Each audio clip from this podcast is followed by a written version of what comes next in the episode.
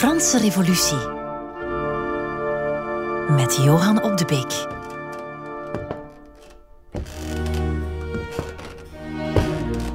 Waar bevinden wij ons? Wij stappen binnen in Versailles. Nee, wat zeg ik? Uh, als je je taalgebruik moet aanpassen aan de hedendaagse normen, dan stel ik ook voor dat we ons taalgebruik als het gaat over vroeger, aan de vroegere normen aanpassen. Dus wij schrijden binnen in Versailles. En daar kraakt de parketvloer onder onze voeten.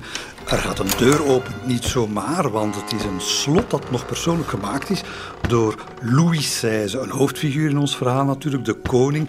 Dat was eigenlijk een slotenmaker. Die man trok zich veel liever terug ergens onder de zolderingen van Versailles om daar met sloten en van alles bezig te zijn dan met het Rijk. Ja, hij kreeg elk slot open en hij maakte elk slot behalve dat van zijn regering. En dat gaat natuurlijk blijken. Maar eerst dat slot. Dat slot, uh, iemand doet het open met zo'n zo'n zo'n sleutel, zo'n dikke ijzeren sleutel, verroest. Zo dik als je pink. Hè? En dan kraakt dat open en die deur gaat uh, wijd open. En wat zie je dan? Ja, je ziet een deel van de fameuze salle de 1792, de zaal van 1792. Wie heeft die ingericht? Een andere koning. Het gaat over de revolutie, maar het is Louis-Philippe. 41 jaar na de Franse Revolutie, die Versailles helemaal in puinen en ja, uh, een beetje vrot zo. En die, en die maakt daar van een heel aantal vleugels en verdiepingen, maakt daar een museum van. Het museum moet dat worden.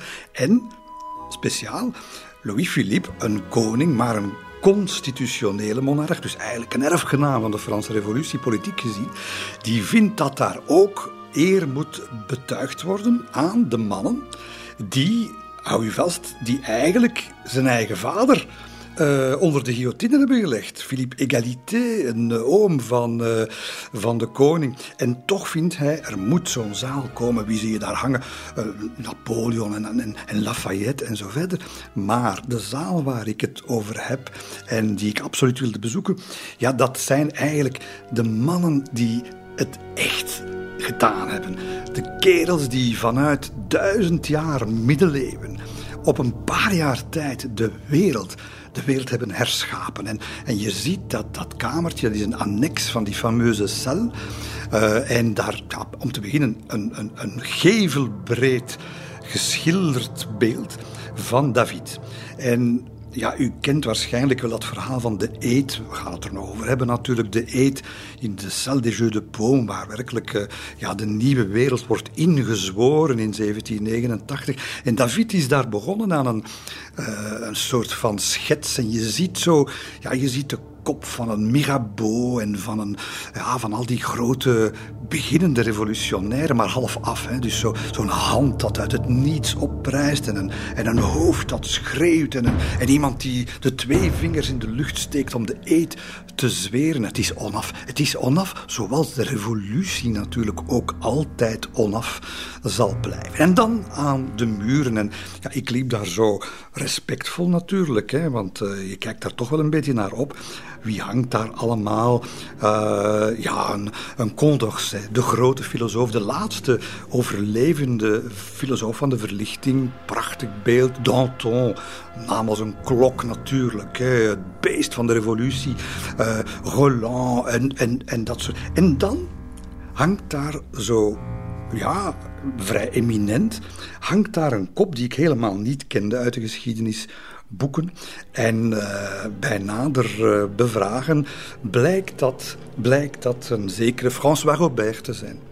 Uh, François Robert, een Belge zegt men. Ik zeg, oh, een Belge, wat hangt hier te doen? Tussen die, die conventionele, want we hebben het hier over ja, we hebben het hier over de, de mensen die de, de republiek gemaakt hebben. Hè. Die, die, hebben. die hebben alles veranderd wat wij vandaag in de wereld kennen. Ja, als je dat portret ziet, dan... Ja, dat, dat, ik moet dat beschrijven, want die, die kop, hè, die kop... Op het verschil met die anderen. Robespierre hangt. In zijn zijden uh, blauw-wit uh, gestreepte kostuum, bepruikend, bepoederd. Danton, een rebel, maar toch ook met een das en een jas. Uh, ministers van de republiek die daar ook allemaal uitgedost. En dan onze vriend Robert, die Belg, met ehm, zijn hemd zeer duidelijk open, geen das aan. Een beetje chauffel zo, een beetje, beetje slordig, zo echt duidelijk makend. Ik, ik, ik behoor hier niet bij, bij de elite zo. Hè. Eh, de, de, de vestimentaire code die we zien, is die van de van ja, een legendarische mensensoort. Het zijn de sansculottes. Het zijn de sansculotten die de, het volk op straat, de, ja, de zeis in de hand, nietwaar, die het Versailles bestormd hebben en dergelijke. En hij, hij je ziet het aan die kop en dan ja, zo die blozende uh, kaakjes, roze koontjes, slimme ogen, boerenverstand, spuit eruit. Hij komt trouwens van uh, Ardennese boeren. En dan die, die lange gekrulde haren, een brute kop. Het is, het is, het, dit, is de, dit is de Ozzy Osbourne van de Franse revolutie gewoon. Hè. Je, ziet hem, je ziet hem zo, ja, een rebelle gemaakt om in opstand te komen.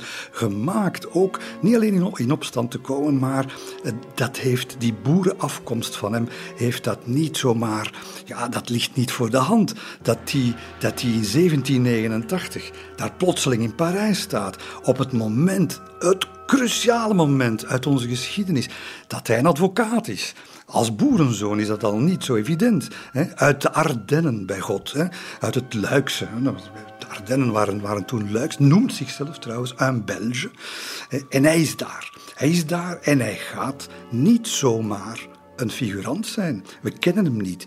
Nee, ten onrechte, want François Robert is de man die als eerste onze Belg, die daar in Parijs te midden het revolutionaire tumult gaat zeggen: Het moet gedaan zijn met het feodalisme. Wij willen een republiek.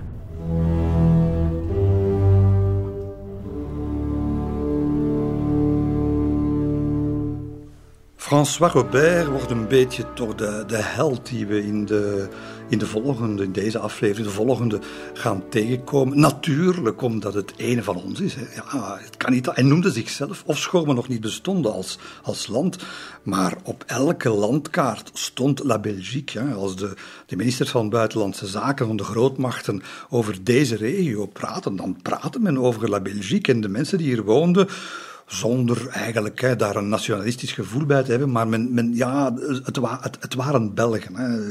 Een beetje nog een heel vaag begrip in die tijd. Van waar komt die man, die François Robert? Wel, hij komt uit het prinsbisdom Luik. Well, feodaal ingericht natuurlijk. Uh, een, een, een grote ja, entiteit in wat het hedendaagse België uh, zou zijn. Vlakbij de Franse grens. En hij wordt daar geboren in uh. Uh, klein, een, dat, is, een dorpje van niks. Ik ben er geweest. Je, moet, je bent er door voor je het weet. Uh, ja, van die echte Ardennese dorpen met die dikke, die dikke arduinenstenen en die zwarte leien. Uh, zijn vader is uh, de burgemeester. Zijn vader is ook een boer die het niet slecht doet. Hij heeft vier boerderijen. Uh, niet slecht, want hij kan zijn, zijn eerste, zijn oudste zoon laten studeren, advocaat. En dat zal François ook mogen doen.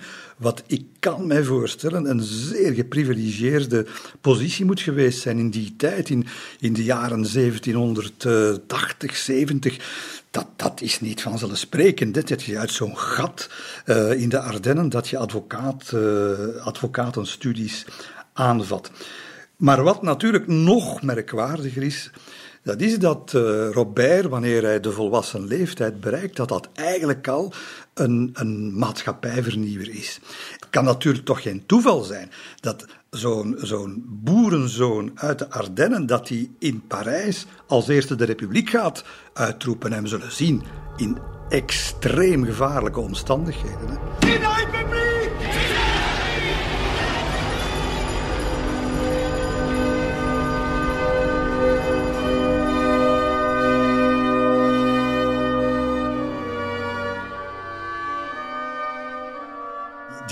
Ideeën, waar komen die dan vandaan? Die komen, die komen voor een stuk van de verlichting. Die komen van de verlichtings... Hij heeft die gelezen, de verlichtingsfilosofen. Er zijn ook al bladen hier in de Belgische regio die volop eigenlijk al aan het kijken zijn over de horizon naar de nieuwe maatschappij. Dat zijn we vergeten. En dan is er natuurlijk ook het, het bloed. Uh, zijn, zijn eigen mama, uh, die, uh, die heeft café. Hè. Vader is boer, mama die zit in het bier, zullen we maar zeggen. En bier, dat, uh, dat is een van de, de consumptieproducten die in die tijd in Luik, maar dat zal in de rest van, van onze regio hetzelfde geweest zijn, dat is een zeer zwaar belast consumptieproduct. En wie zal dat moeten betalen, dat gelag? Wel, dat zijn natuurlijk weer, zoals altijd, de gewone mensen, de geprivilegeerde klassen, adel en geestelijkheid, die betalen, hou je vast, niks. Die betalen geen belasting op het bier. En dus die mama in haar café, uh, ook bierhandelaars trouwen, die, ja, die moet dus elke keer opnieuw aan haar klanten nog eens erbij en nog eens hogere prijzen en zo verder. En die vindt dat niet oké. Die komt daar ook tegen in opstand. Ja, je moet daar toch geen tekening bij maken. Als dan bovendien ook nog eens er een inkomstenrecht, de tienden noemen we dat, dus een tiende van de opbrengst van dat bier, gaat zomaar, gaat zomaar naar de, naar de hogere standen. Ja, da, daar moet je geen tekening bij maken. François Robert als jonge knaap, als adolescent, als volwassen man heeft dat allemaal gezien, heeft zijn mama daarover gehoord.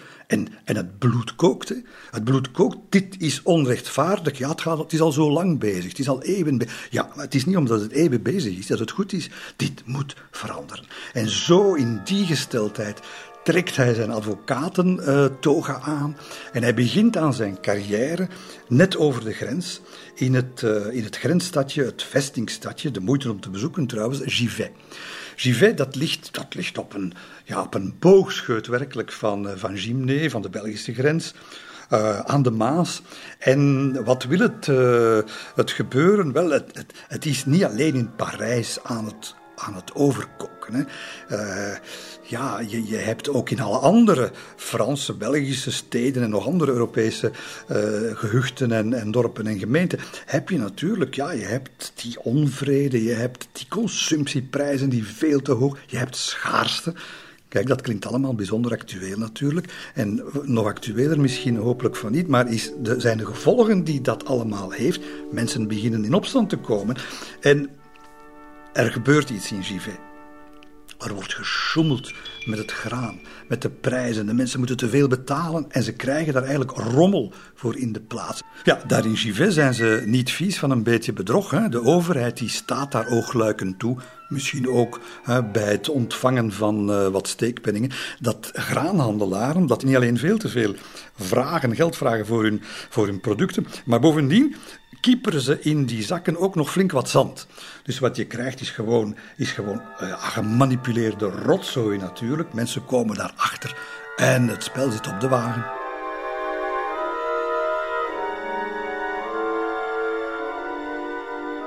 Het komt dus tot een conflict tussen een deel van de, van de bewoners en de powers that be in dat, in dat, uh, dat, dat kleine grensstadje. En dat moet opgelost worden wordt in die tijd alleen opgelost als het echt niet anders meer kan in Parijs. En dus gaat Givet gaat een advocaat aanstellen die de belangen van de bevolking in Parijs voor het koninklijke hof moet gaan verdedigen. En dat wordt François Robert. En dus trekt die François Robert, ja, die laat, die laat de rust van de Maasvallei en de visjes die daar zwemmen en de vogeltjes die daar vliegen uh, en ja, de relatieve kalmte van, van dat wereldje laat achter zich. Voor een tijdje denkt hij, want hij komt natuurlijk terug, niks daarvan. Hij komt in Parijs en hij komt daar in het oog van een storm. Ja, een storm zoals we in de geschiedenis er misschien twee of drie meemaken.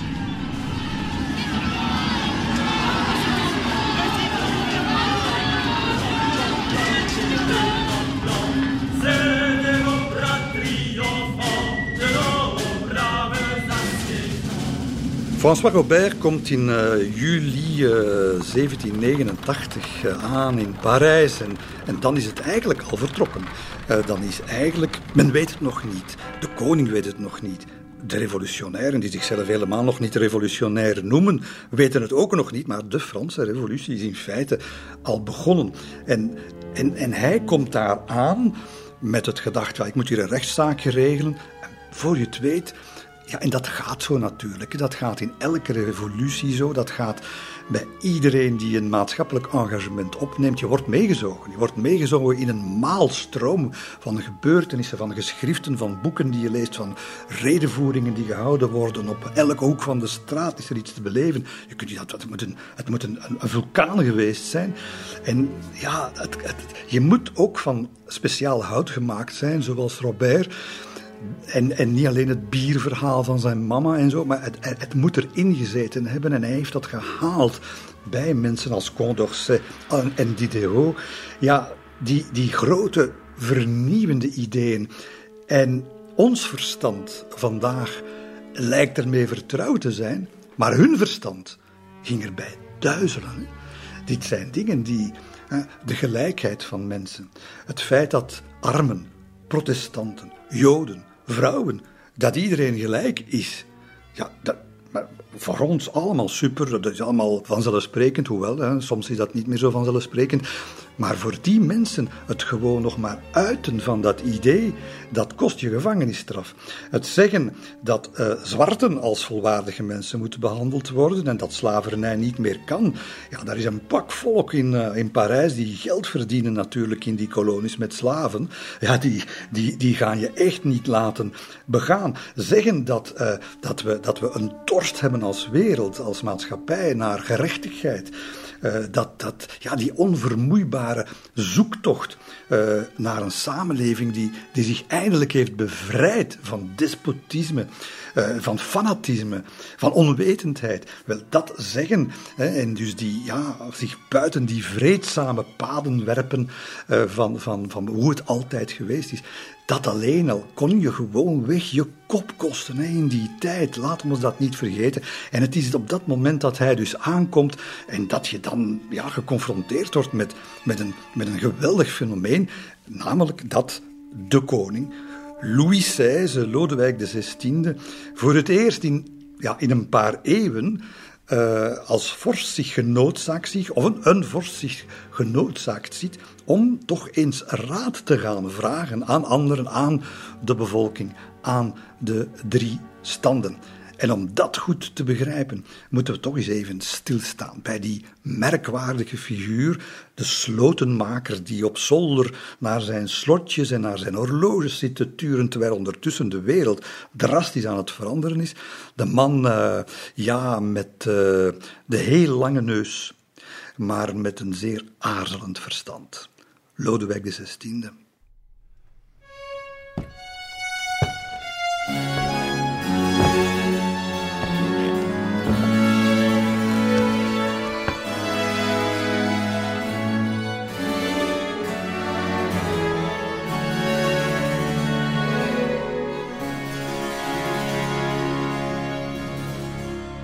Louis woont in dat prachtige kasteel van Versailles, maar het is niet op zijn maat gemaakt. Hè. Nog fysiek, nog mentaal, nog politiek. Dit is het kasteel van de zonnekoning. Zonnekoning, laat ons wel wezen, een figuur uit de duizend die over de aardbol lijkt te zweven, terwijl zijn opvolger, zijn tweede opvolger, Lodewijk XVI, ja, die, die gaat over het parket van Versailles zoals een boer achter zijn ploeg loopt. Hè.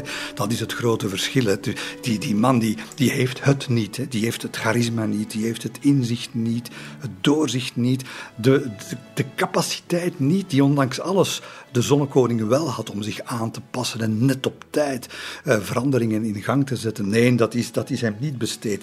En het is hoog nodig, want in, in 1788, 89 krijgt hij de ene rampmelding na de andere, de Franse koning.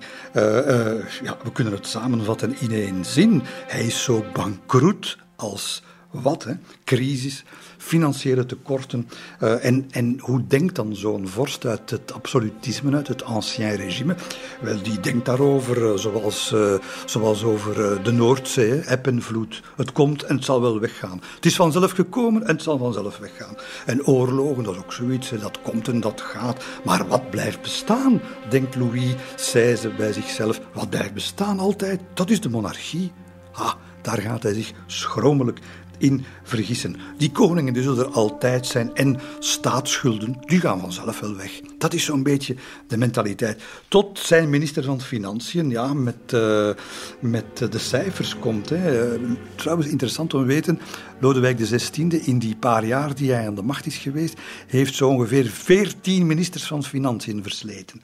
Dat zegt al wel iets over één, de aard van het probleem, namelijk het is gigantisch. Bergen geld wordt daar in Versailles uitgegeven en men weet niet eens hoeveel er binnenkomt. Hoe komt dat? Wel, omdat, omdat men, heeft geen, men heeft geen staatshuishouding. Uh, de, de, de geprivilegeerde standen, die geen of weinig belastingen betalen, dus de eerste stand tweede stand, de geestelijkheid en de adel.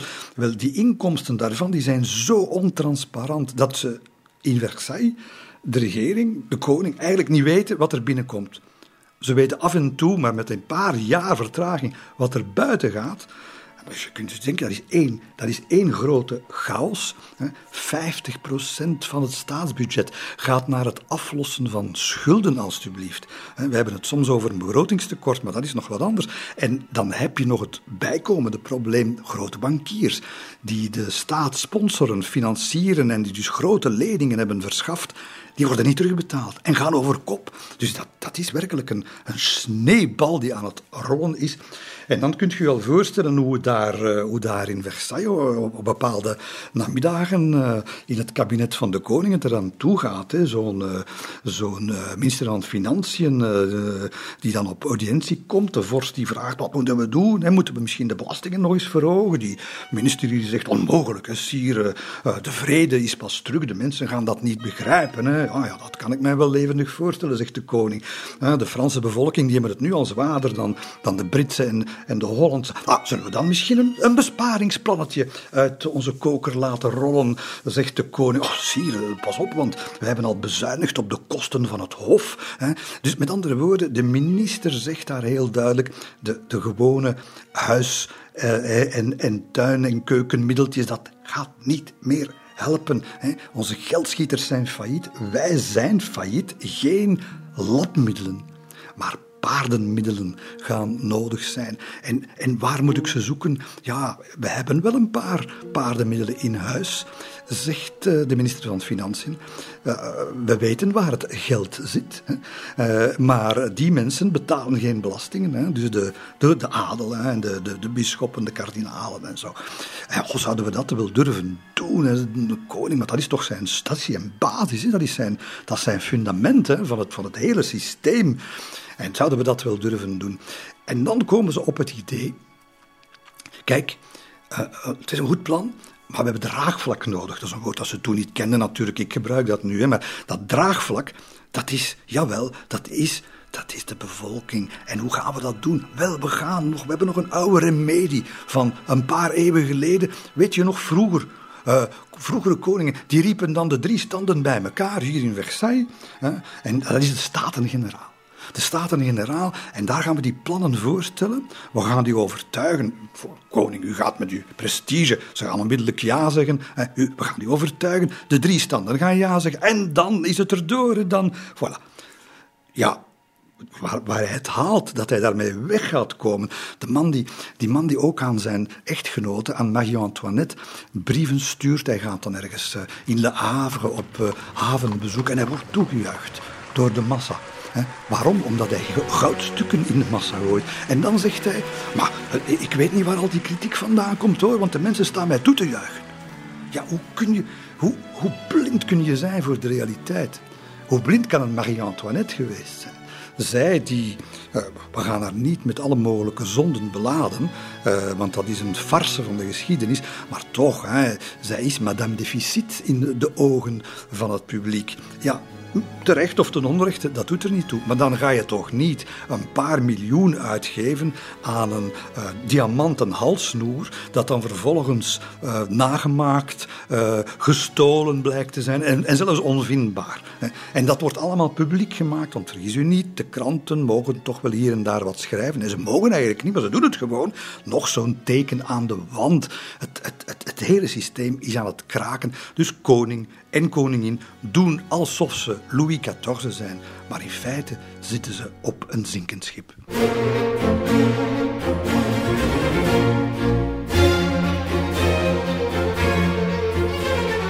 De Franse Revolutie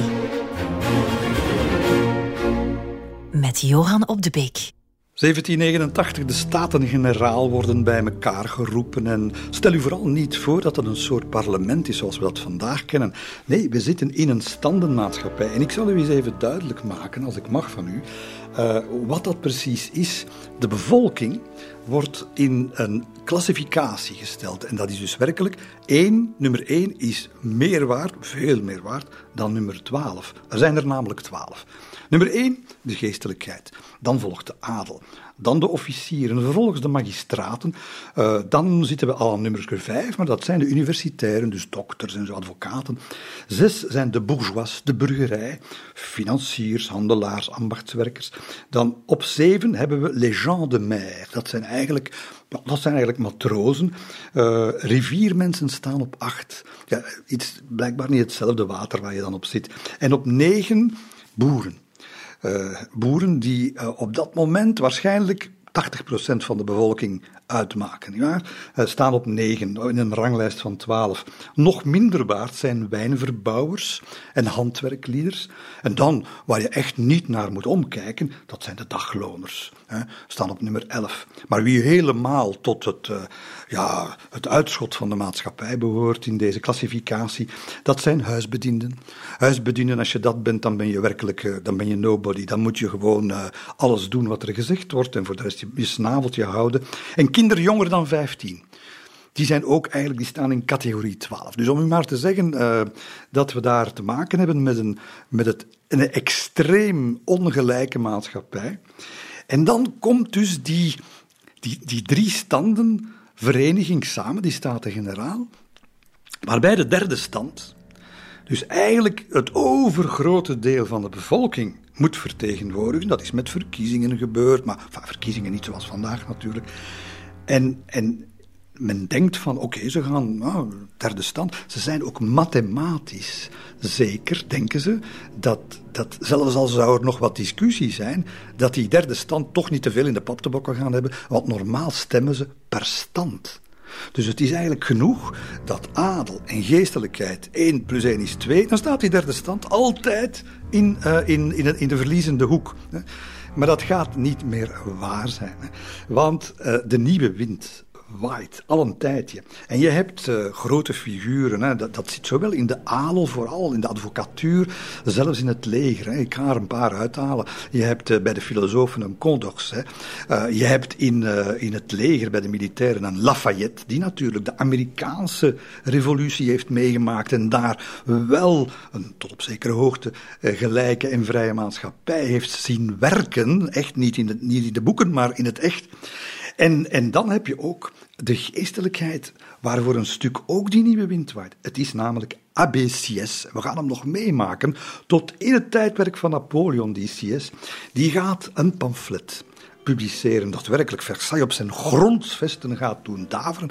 En dat heet Qu'est-ce que le tiers état? En hij stelt de cruciale vraag: ja, maar die derde stand, wat is dat nu eigenlijk? En CS zegt. En, ik kan me de kop voorstellen.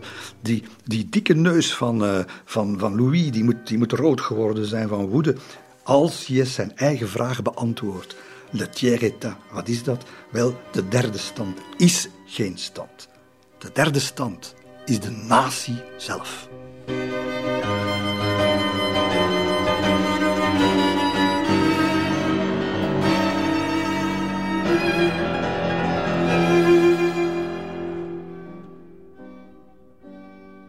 Het is ook CS die, uh, die heel duidelijk zegt afgelopen met de privileges met de voordelen voor de rijkste in de maatschappij.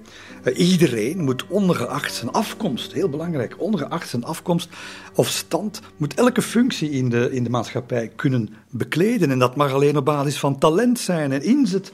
Ja, dat zijn prachtige principes, maar het zal nog tot Napoleon duren. Die gaat het echt invoeren en dan zijn we meer dan tien jaar later. En na Napoleon zal het terug worden afgebouwd. Ook weer iets dat wij vandaag als super vanzelfsprekend beschouwen, maar het helemaal niet is. Het, is, het getuigt in elk geval in 1789, als je dat ten aanzien van die, je moet je dat voorstellen, dat gaat in een fantastisch mooie zaal zijn. Baldakijnen, goud overal. Wachters met hellebaarden. De koning die daar op een paars baldakijn mag verschijnen. En dan moet je daar als derde stand, hè, helemaal van achter, moet je daar zitten en moet je je vinger opsteken en, en zeggen wat ik zo net heb gezegd. Ja, dat moet, dat moet je dus ballen voor aan je lijf hebben. Hè. Dat is ongekend voor die tijd. En ongekende durf ook voor die tijd. En ze gaan het, ze gaan het doen. Het is... Het, het, het, het komt allemaal niet vanzelf. Hè. Er zijn in die tijd, ook in nobele kringen, in uh, uh, dus uh, adellijke kringen, zijn er allerlei gezelschappen. gezelschappen die de meest verbluffende standpunten innemen. En we gaan daar namen in terugvinden. Een, een Dupont de Nemours, een de La Rochefoucauld, dat zijn klinkende namen in de Franse geschiedenis. Een graaf de Mirabeau, een geweldige redenaar. Als hij zijn bek open doet, dan luistert het land. Uh, een groot lichtwerkelijk, een Talleyrand. Uh, dan nog een geestelijke, later de grote minister van Buitenlandse Zaken, tot, tot diep in de 19e eeuw. En dat noemt men de cercle d'idées. Dus dat, het, het komt allemaal niet vanzelf. Het komt natuurlijk uit de boeken van de verlichtingsfilosofen, maar ook uit die genootschappen waar niet al te geheim wordt vergaderd, maar bijvoorbeeld een van die genootschappen waar ook al die mannen in zitten, een Lafayette, een Condorcet, een Mirabeau, heet La Société des Amis des Noirs. Het genootschap van de vrienden van de zwarten, kunt u dat voorstellen? In 1789, op het moment dat men dat als een soort natuurrecht beschouwt, dat er andere mensen, ja, dat zijn eigenlijk geen mensen, die men als eigendom kan kopen en verkopen. We kennen dat verhaal. Maar, maar, maar, maar dat zijn, daar zijn ze dus mee bezig. En dan wil ik er nog de nadruk op leggen dat we hier ook te maken hebben met een belangrijk aandeel aan vrouwen in, uh, in die gezelschappen. De vrouw van een Condorcet gaat een, een gigantische rol uh, spelen. Condorcet is, ja, dat is al een wat oudere filosoof met zo'n haakneus en een beetje vrouwelijk gezicht. Uh, fysiek niet zo imponerend. Dat was ook politiek zijn, zijn zwakke punt een beetje. Maar zijn vrouw, zijn veel jongere vrouw, is, uh, ja, dat is zo'n charismatische figuur en die wint iedereen om haar vingers. En die kan het ook goed uitleggen. En eigenlijk, als hij geen gelijk krijgt, dan zal zij naar salon, waar al die grote types bij elkaar zitten, dan zal zij het op haar manier eens uitleggen, wat Condorcet bedoelt. En, dan, en, en ah ja, dan zijn ze allemaal mee. Uh, die eerste jaren van de revolutie, uh, we moeten er nog aan beginnen eigenlijk, maar we kunnen dat nu al wel stellen. Die eerste jaren zijn vrouwen in de revolutie uitermate belangrijk geweest. We gaan er nog een aantal tegenkomen.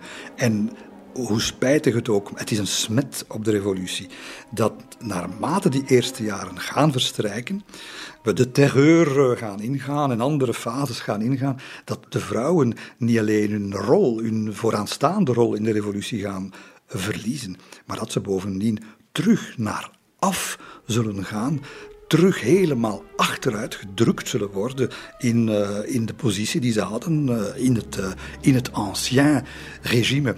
Dus wat leren we daar al uit? Een revolutie is niet zo rechtlijnig iets. Het begint bij A en eindigt bij B. Nee, het is vallen en opstaan. Het is een kronkelige weg tegenwerkingen en verschillende krachten die door elkaar lopen. En dat leidt allemaal tot botsende moleculen in die, in die reageerbuis van, van, van zo'n revolutie. En, en bam, dat, dat, ja, dat kan alle kanten uitgaan en dat gaat soms de goede kant uit.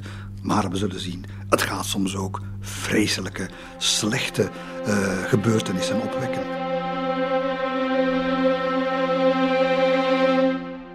Het is een traditie die eigenlijk al een hele tijd bestaat, al van onder de echte verlichtingsfilosofen, de salons, waar we vaak gerund door eh, vrouwen uit de betere stand, dames eh, van politici en van van zakenmensen en dergelijke meer. En waar, waar de nieuwe ideeën besproken worden. Waarover, niet alleen over politiek, maar ook over muziek, cultuur en dergelijke.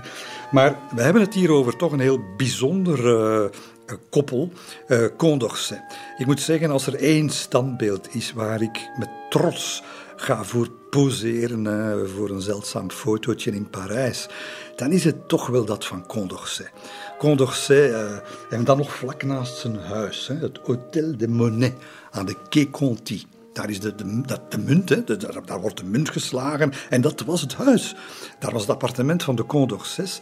Toen Condorcet nog ja, een, grote meneer, was ook in de revolutie en, en eigenlijk een beetje de financiën runde. Het was een, niet alleen een filosofisch genie, maar ook een uh, geweldige rekenaar, een mathematicus. En zijn vrouw is 21 jaar jonger, Sophie. Sophie, uh, uitbundig, schoon, fris. Uh, en ze zijn allebei verleid door, uh, door, door, door elkaars, ja, ook niet alleen fysieke aantrekkingskracht.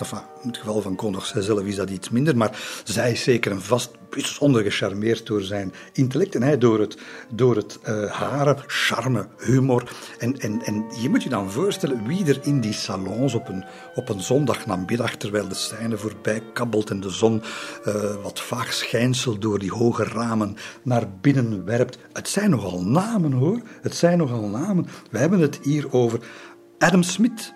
Adam Smith een, ja, een naam als een klok, als filosoof, als economicus. We hebben het hier over uh, Gaga, dat zijn namen die in Frankrijk echt nog altijd vandaag klinken, maar ook Benjamin Constant, de grote grondwetspecialist, de maker van de grondwetten later, uh, de tegenpool van, uh, van Napoleon bijvoorbeeld ook, uh, Beaumarchais, een naam die je niet moet, niet, moet, niet moet duiden, een Lafayette, die als hij 19 is, al generaal is in het leger van Washington, dat soort, dat soort kleppers, hè? mensen die, Thomas Jefferson, Thomas Jefferson, de, de Amerikaanse ambassadeur. Wel, die zitten daar allemaal, hè?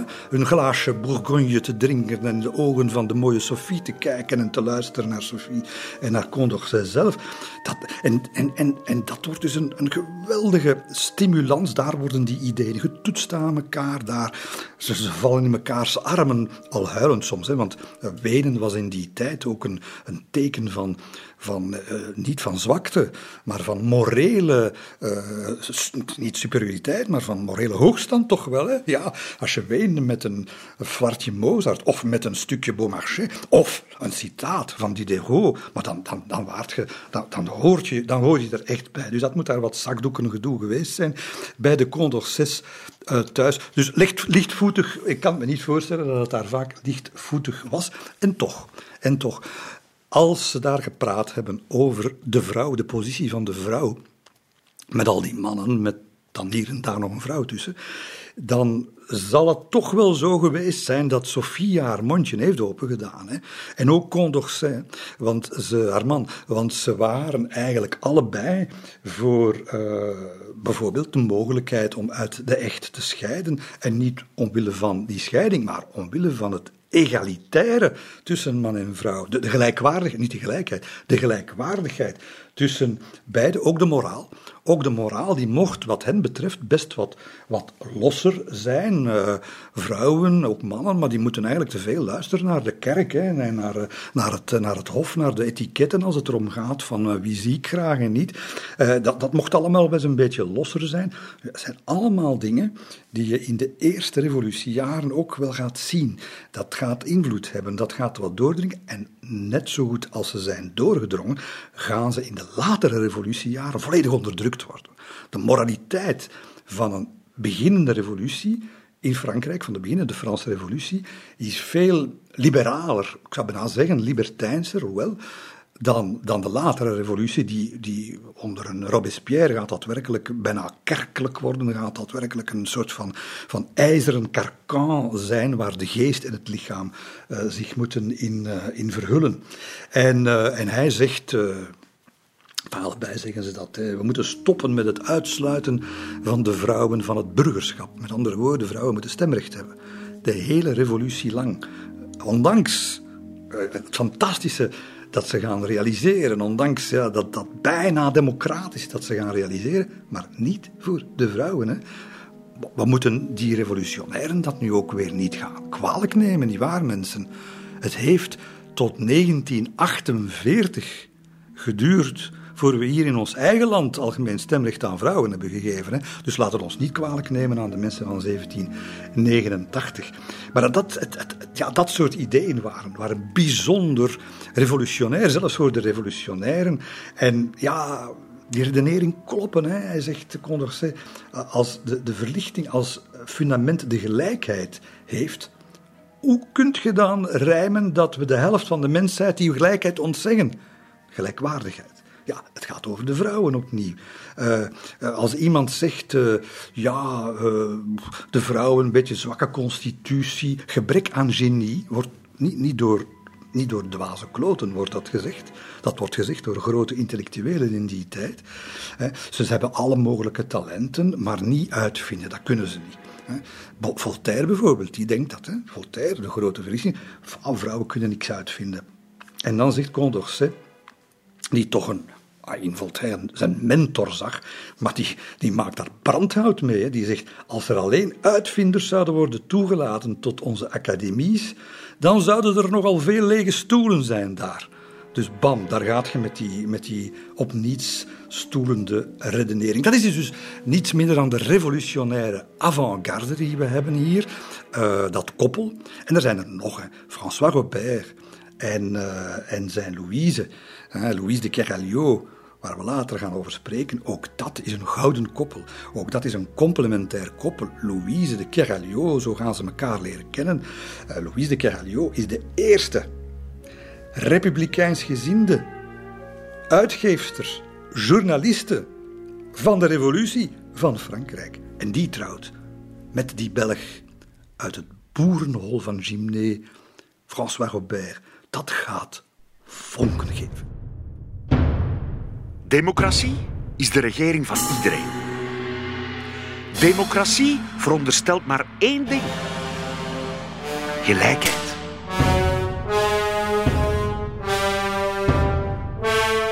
Waar we het over hebben is natuurlijk uh, ja, de, de plushen salons in uh, Parijs, maar ondertussen Versailles. Uh, daar, uh, daar weten ze het niet goed meer. Hè.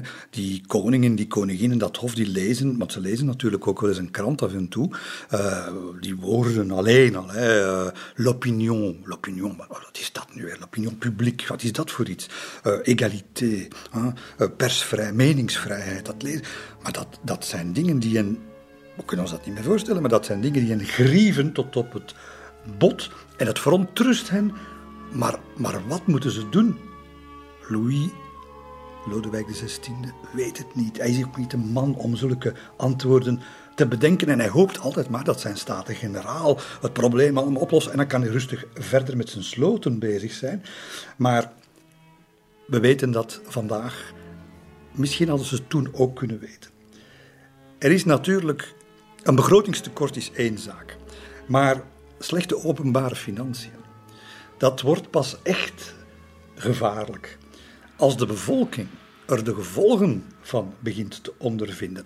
Dat was François Robert in het Luikse al goed bekend. Dat eh, wist hij met het bier en zo verder.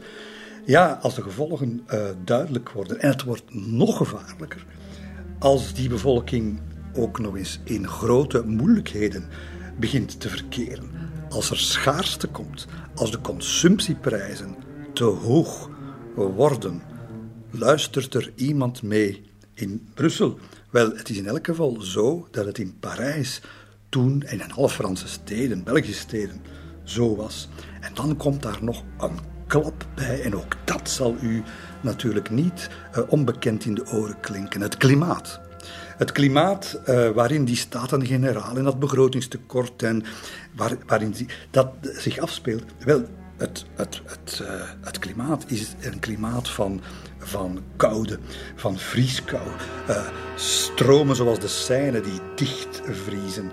Marseille, de haven, dichtgevroren. Graanoogsten die, die niks meer voorstellen. Prijzen van het brood prijzen van het brood, die on, onbetaalbaar beginnen te worden voor gewone mensen, ontberingen. Het gaat om tienduizenden mensen die dagloners die hun werk kwijt zijn, alles kwijt zijn. En naar Parijs, naar Bordeaux, naar Marseille, naar Lyon trekken. En daar, in Parijs bijvoorbeeld, een leger van 80.000 haveloze mensen. Dus dat is, dat, daar, moet, daar moeten natuurlijk problemen van komen. Dat is een tikkende tijdbom. En als je dat allemaal samenneemt, dan staat natuurlijk dat regime voor voor een gigantische. Dat, dat kun je niet meer oplossen. Dat is nog het uitzingen, het trachten geweldloos te overbruggen, misschien. Maar ook daar is het al te laat voor. Stel u voor, in de straten van Versailles, het chique Versailles, het, hart van het koninkrijk, daar wordt geroepen: La mort aux riches, dood aan de rijken. Maar die rijken, die, die zijn zich niet bewust van de situatie. Uh, de, de, geestelijkheid, daar is aan gevraagd van jongens vanuit Versailles, kunnen, kunnen jullie, want die mensen die hebben, die dus duizenden hectare landbouwgronden en grote bezittingen, kunnen jullie alsjeblieft misschien 8 miljoen lenen om de, ja, de, grote, de, de, eerste, de eerste grote schulden te delgen? Bisschoppen weigeren. De bisschoppen weigeren om de staat te helpen.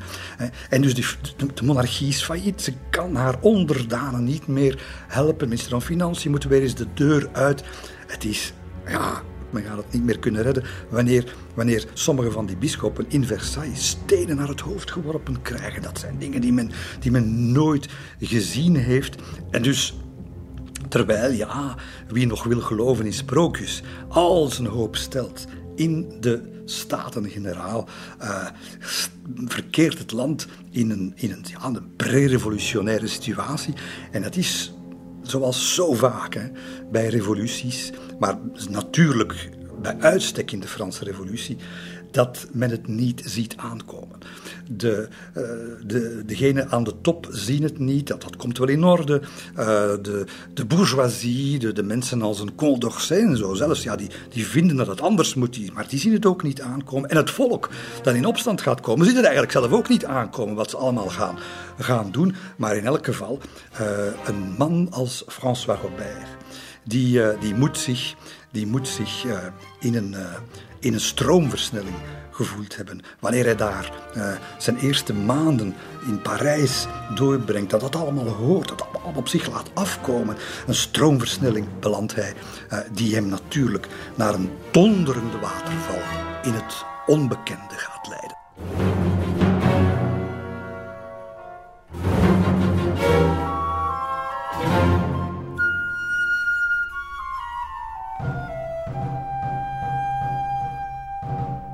Is Louis de Potter die eh, veel later, de grote revolutionair, de Belgische revolutionair, die bijna de republiek in België in 1830 had verwezenlijkt, die zal, later, eh, eh, die zal dat later perfect verwoorden. Die zegt, une révolution est toujours la révélation d'un mal. De revolutie, dat is altijd de uiting van iets dat fundamenteel verkeerd zit. Een vergissing, iets dat men wil, een vergissing die men wil corrigeren of vernietigen. Hè. Hij zegt, uh, de, de, laatste revolutie die we gaan meemaken, dat zal de revolutie zijn van de waarheid. Dat zal uh, de enige zijn die uh, zal zorgen dat er geen volgende meer, meer komen. Daar zijn we nog lang niet aan toe, Louis de Potter. Maar wat hij zegt is natuurlijk, de, de essentie van wat hij zegt is, als je niet zorgt dat uw bevolking te eten heeft, zijn gewone leven kan betalen, zich comfortabel voelt in het leven en vrij, uh, niet vrolijk daarom, maar wel vrij door dat leven kan stappen, dan vraagt je om zeer grote moeilijkheden, dan vraagt je om uit de maatschappij geduwd te worden.